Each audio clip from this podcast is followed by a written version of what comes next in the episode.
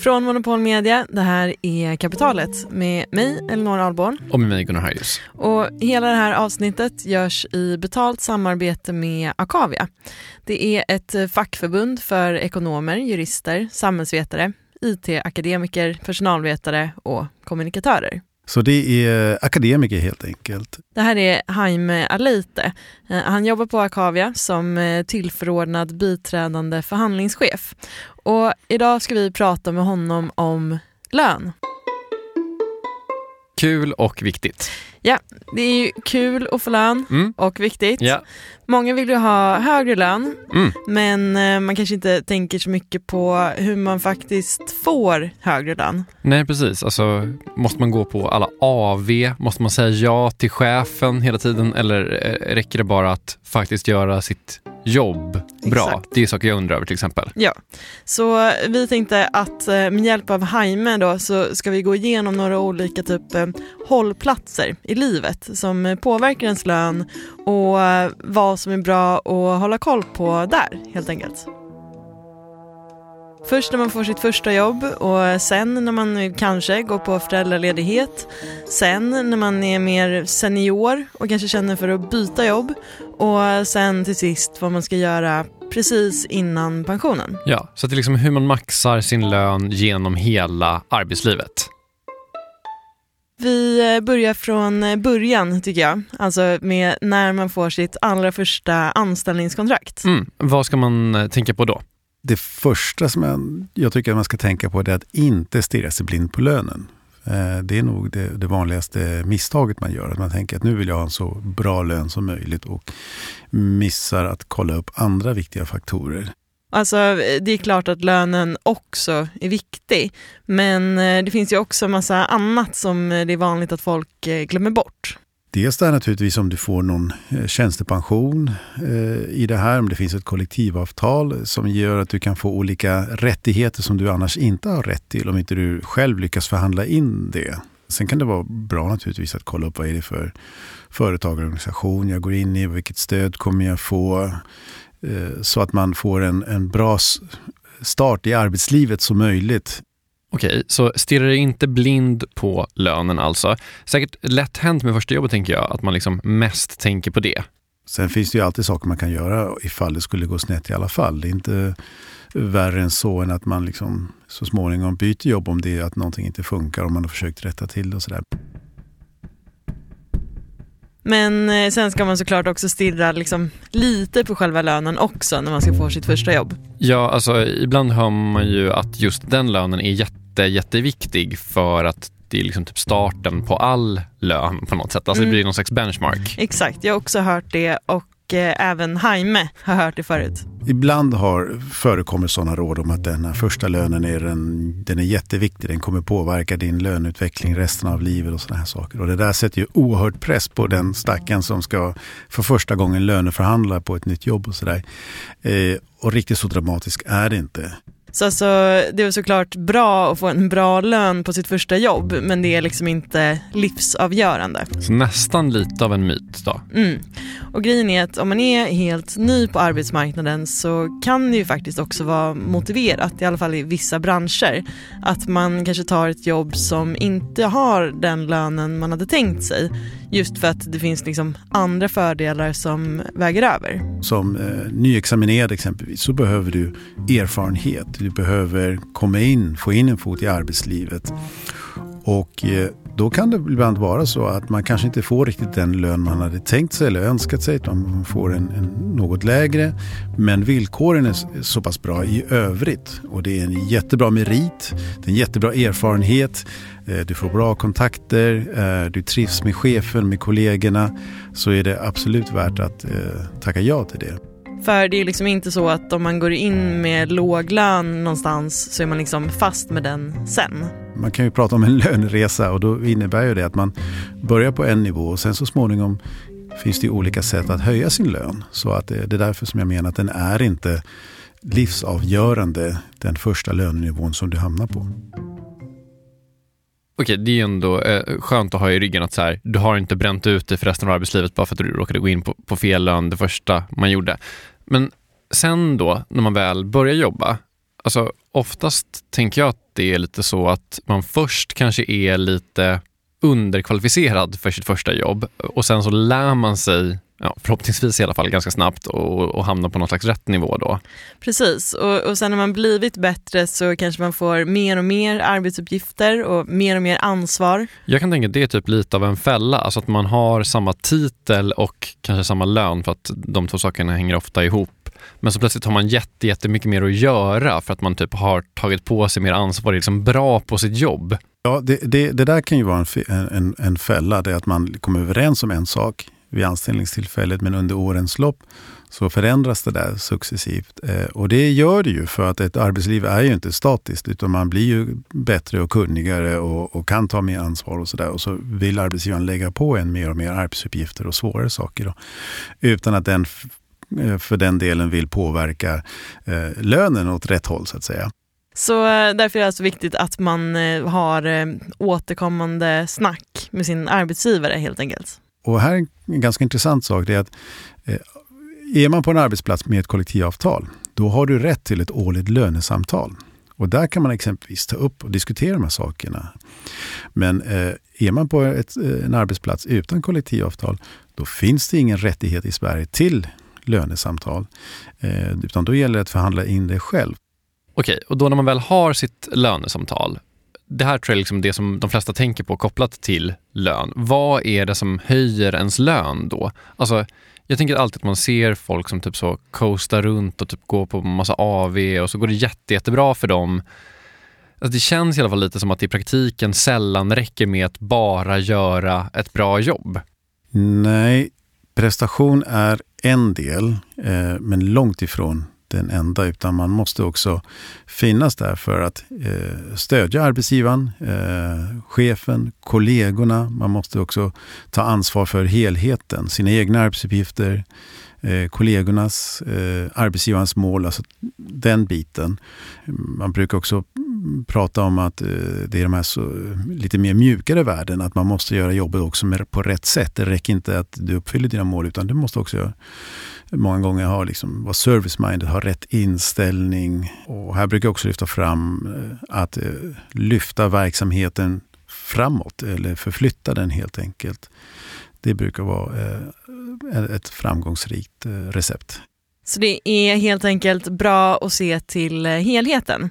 Och sen en annan grej som jag har tänkt på, det är om man ska få högre lön för grejer som man redan har gjort eller om man liksom under kommande år ska få mer och mer ansvar och då ska få högre lön under liksom den tiden man har det jobbet. Precis, alltså ska lönen spegla dåtiden eller framtiden? Det är en intressant fråga. Jag brukar beskriva det så här att lönesamtalet är bakåtblickande, utvärderande. Vad har du gjort under året som jag då som chef, som arbetsgivare behöver eh, eller vill premiera och belöna på olika sätt. Det är det ena. Men sen är det naturligtvis så, vi brukar också prata om att lönen ska resultera i att, att man ska kunna rekrytera, eh, behålla men också utveckla eh, medarbetare. Det är de tre delarna. Så eh, svaret är alltså både och kan man säga. Alltså en högre lön ska man få både för grejer man redan gjort och för att eh, motiveras till att fortsätta. Okej, en liten sammanfattning då. När man väl är helt ny i sin bransch så kan det vara rimligt att ta lite lägre lön än vad man tänkt sig om jobbet ger viktiga meriter och andra grejer som liksom känns bra. Alltså en fot in i branschen och hela den grejen. Mm. En lite låg ingångslön kommer liksom inte nödvändigtvis att påverka resten av ens lön för all framtid. Och sen då när man jobbat ett tag och blivit bättre så ska man ta upp det i sina lönesamtal och har man inget kollektivavtal så har man ingen rätt till årliga lönesamtal. Så det kan vara väldigt bra att förhandla in när man blir anställd första gången i så fall. Precis, och sen när man väl har sitt lönesamtal så ska man inte räkna med att det kanske bara räcker att prestera bra, utan det handlar också om att ta ansvar för helheten, alltså både göra jobbet rätt och göra det på rätt sätt. Just det, och det gäller då både dåtiden och framtiden och gå på AV. Vi ska gå vidare. Eh, det här är ju ganska förenklat då, alltså alla karriärer är olika, men en eh, så att säga hållplats som många kommer till är ju föräldraledigheten. Det luktar fälla lång väg tycker jag. Mm. Eh, en viktig grej att veta då är att ens lön absolut inte ska påverkas av att man är föräldraledig och det finns en massa regler för det. Man har ett skydd utifrån lagstiftningen där. Att eh, du har en rätt att slippa bli missgynnad bara för att du är föräldraledig eller ska gå på föräldraledighet. Så det är ju en trygghet i sig. Då. Man brukar sammanfatta det som att man har rätt att bli behandlad som om man hade varit i arbetet. Och Det betyder till exempel att man har samma rätt till lönesamtal som om man hade jobbat.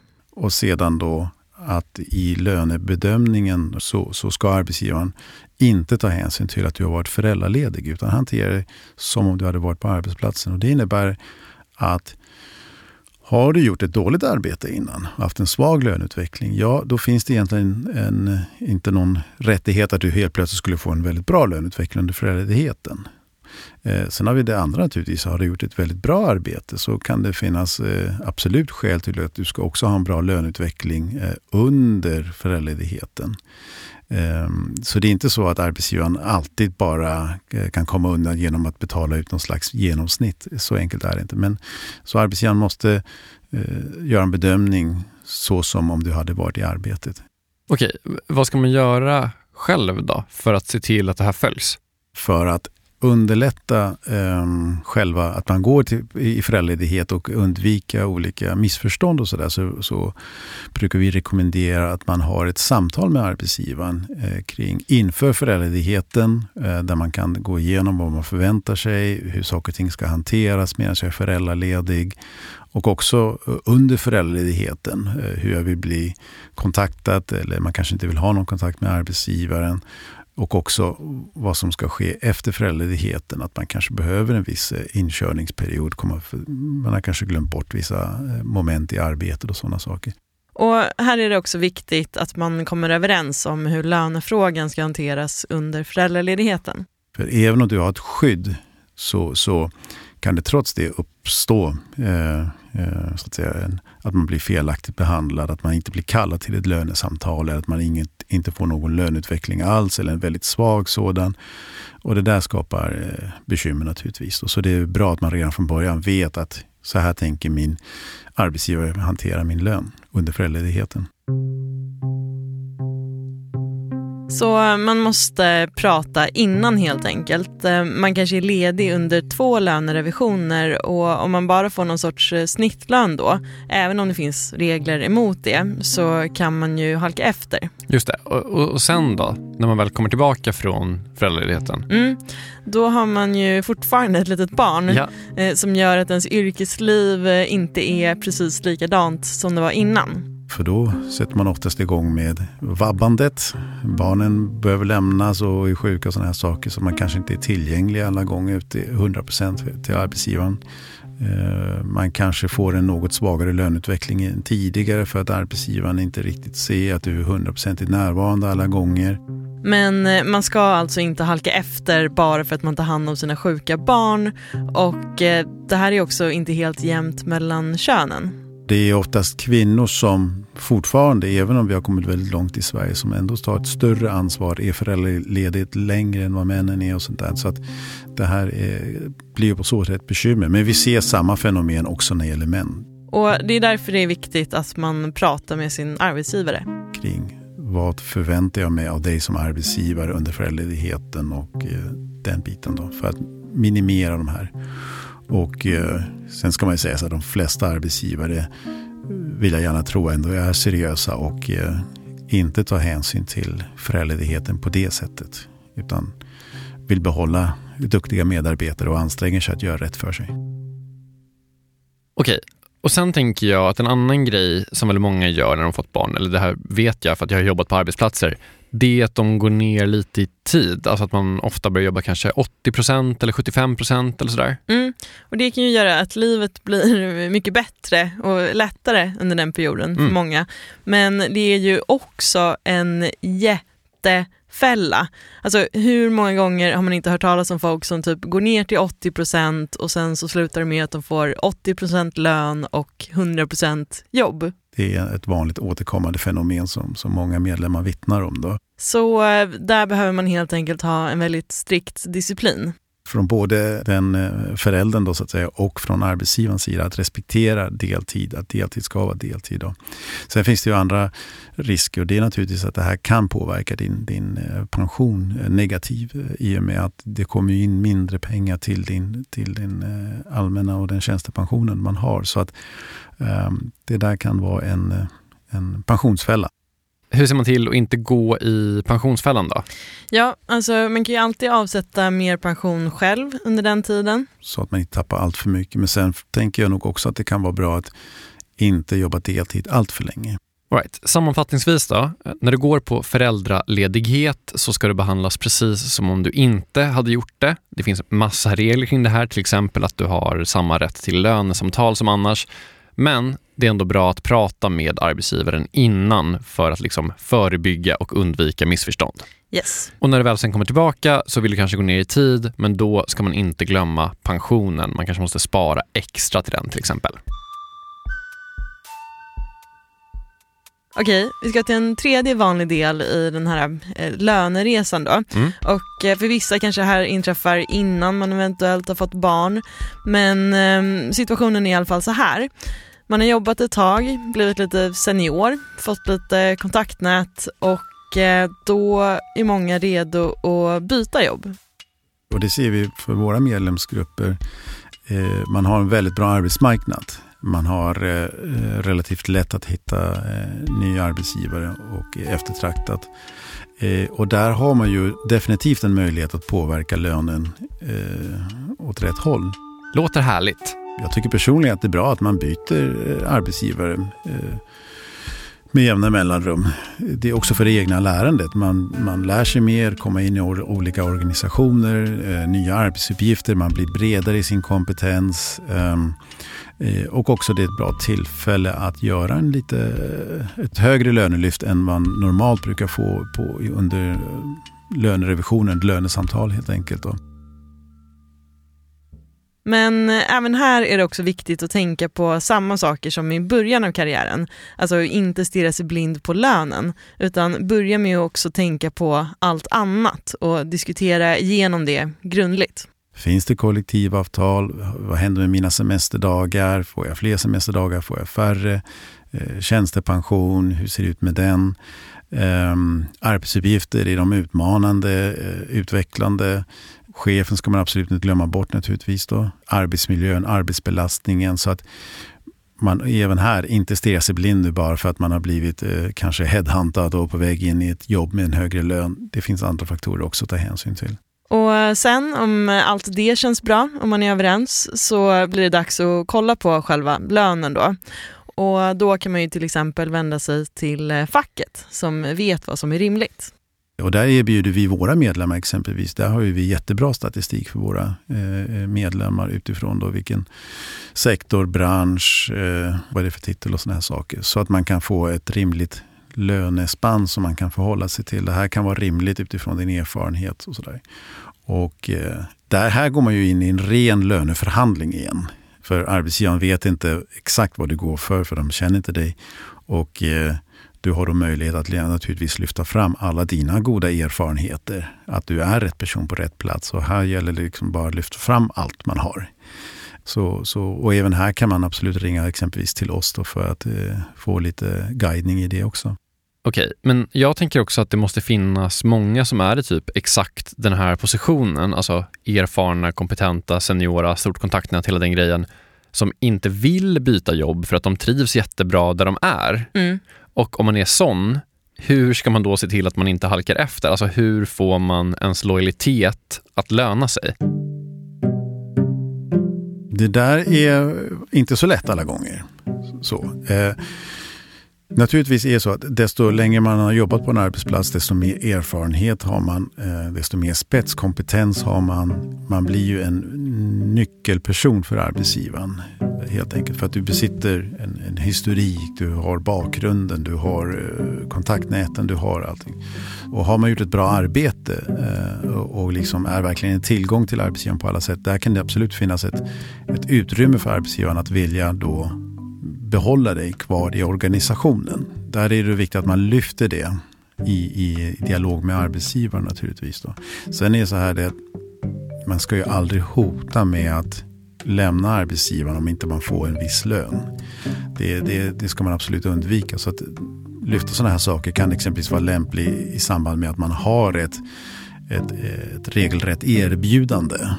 Eh, då kan det finnas eh, anledning att diskutera. Jag har fått det här erbjudandet. Det, det är väldigt lockande men jag trivs väldigt bra hos, hos oss. Kan ni matcha det de andra erbjuder? Något sånt där. Men då måste man vara beredd på att ens arbetsgivare säger nej också. Alltså så här, tyvärr, vi vill gärna behålla dig men eh, vi kan eller vill inte matcha det här. Just det. Och för tydlighet då, varför ska man inte säga att om jag inte får den här lönen så tar jag ett annat jobb? För en arbetsgivare kan säga nej helt enkelt. Och då kanske också man har eh, vad ska vi säga, förstörd relationen eller den eh, Eh, framtidstro man har haft på den här medarbetaren. lite grann. Okej, okay, den här personen befinner sig i en, en process där man är på väg bort. Man, man är inte eh, lika intresserad av oss som arbetsgivare. Man är inte lika intresserad av att bidra till verksamheten. Utan man har egentligen i tankarna eh, så är man någon annanstans och man är bara ute efter en högre lön och sådär. Det gör att det här kan få en negativ effekt på den nuvarande anställningen naturligtvis. Att arbetsgivaren kanske inte räknar med att den här personen att vi kan erbjuda den vissa eh, projekt eller eh, arbetsgrupper och sådana saker. För att eh, vi vet inte exakt just nu var vi har den här medarbetaren. Så alltså, förhoppningsvis har man en så bra relation med sin arbetsgivare att den eh, vill belöna ens lojalitet och matcha andra erbjudanden man fått. Men man ska inte så att säga hota sig till en högre lön för då kan det bli lite stelt och trist sen ändå. Okej, eh, vidare då till den eh, sista hållplatsen på löneresan. Eh, när man är kanske 60 plus och inte har så många år kvar att jobba. Pensionen hägrar. Tydligare och tydligare. För många är det kanske då man börjar tänka mer exakt på hur mycket pengar man kommer ha att leva på. Där rekommenderar jag definitivt att man ringer exempelvis till, oss då, till sitt fackförbund för att kolla hur, vad händer med min pension nu när jag, när jag är nära pensionsåldern, när jag går i pension eh, utifrån då mitt lönesamtal och sådana saker. Och där har man i olika avtal gjort olika lösningar så att de sista åren inte räknas på det sättet när man sen ska räkna ihop eh, till, till vilken pension personen ska få. Och att de sista åren inte alltid räknas gör att det kan vara lite för sent att få en löneökning precis innan pensionen. Så helst ska man ju tänka på de här sakerna innan man börjar närma sig pensionsåldern så att säga. Informera sig kring pensionen. Vad är det som kommer hända efter? Och eh, är det någonting jag kan göra med utifrån ett lönesammanhang? Och Jaime um, och Akavia har också stött på att eh, seniora personer inte helt sällan halkar efter. Äldre eh, medlemmar som har jobbat länge på en arbetsplats kanske inte riktigt får den löneutveckling som motsvarar deras prestation utan att man gärna håller igen Eh, och vill gärna premiera de yngre eller relativt nyanställda och sådana saker. Och där är det viktigt att man får ett samtal med sin arbetsgivare om att man gärna också vill få en fortsatt löneutveckling utifrån min erfarenhet och bidrag. Jag tänker att det finns väl säkert en viss så ålderism eller ageism där, det har man hört. Eller i alla fall att det är liksom svårare att söka jobb i den åldern och att arbetsgivare då typ räknar kallt med att folk bara kommer stanna kvar. Det kan absolut vara en risk eh, att arbetsgivaren kalkylerar, eh, räknar på det med det helt enkelt. Att eh, vi behöver inte anstränga oss kring den här personen för att han eller hon kommer i alla fall inte söka sig vidare. Något sånt där. Det är därför som jag är inne på att här är det viktigt att man har ett, ett samtal med sin chef kring detta. Om man nu upplever att varför får jag den här svaga löneutvecklingen trots att jag gör jättebra, jag får jättebra omdömen under året. Eh, jag får väldigt bra feedback från dig och från andra. Jag har inte fått någon kritik. Trots det får jag en mycket svag löneutveckling. Vad är problemet? Alltså att man lyfter det. Då. Och sen påpekar Jaime också att man alltid kan söka jobb. även om man är nära pensionsåldern. För att det finns många arbetsgivare som vill anställa en just för att man är väldigt senior och väldigt kunnig och väldigt självgående och snabbt kan sätta sig in i arbetsuppgifterna. Det är ju den fördelen man får när man anställer seniora medarbetare. Det är långt ifrån så att alla arbetsgivare inte skulle vilja anställa äldre medarbetare. Ingen anledning att oroa sig alltså. Skönt. Okej, så alltså vänta inte med att tänka på pensionen tills det nästan är dags. Var vaksam på om din lön halkar efter yngre kollegor och kom ihåg att det faktiskt alltid går att söka nya jobb. Precis. Då har vi gått igenom typ allt, tänker jag, om hur Mm. man maxar lönen genom den här löneresan. Från första löneförhandlingen tills att man går i, i pension. Jag tycker faktiskt det var lite typ, eh, skönt att höra det här med att man inte behöver liksom oroa sig för mycket om man går in på en för låg lön. För det har jag verkligen hört många säga Mm. tidigare. Kapitalet är slut för idag och hela det här avsnittet är alltså sponsrat av fackförbundet Akavia. Ja, tack till dem och tack till Jaime Aleite, Akavias tillförordnade biträdande förhandlingschef. Vi är tillbaka nästa vecka med ett helt vanligt avsnitt. Ehm, Hörs då! Hej då!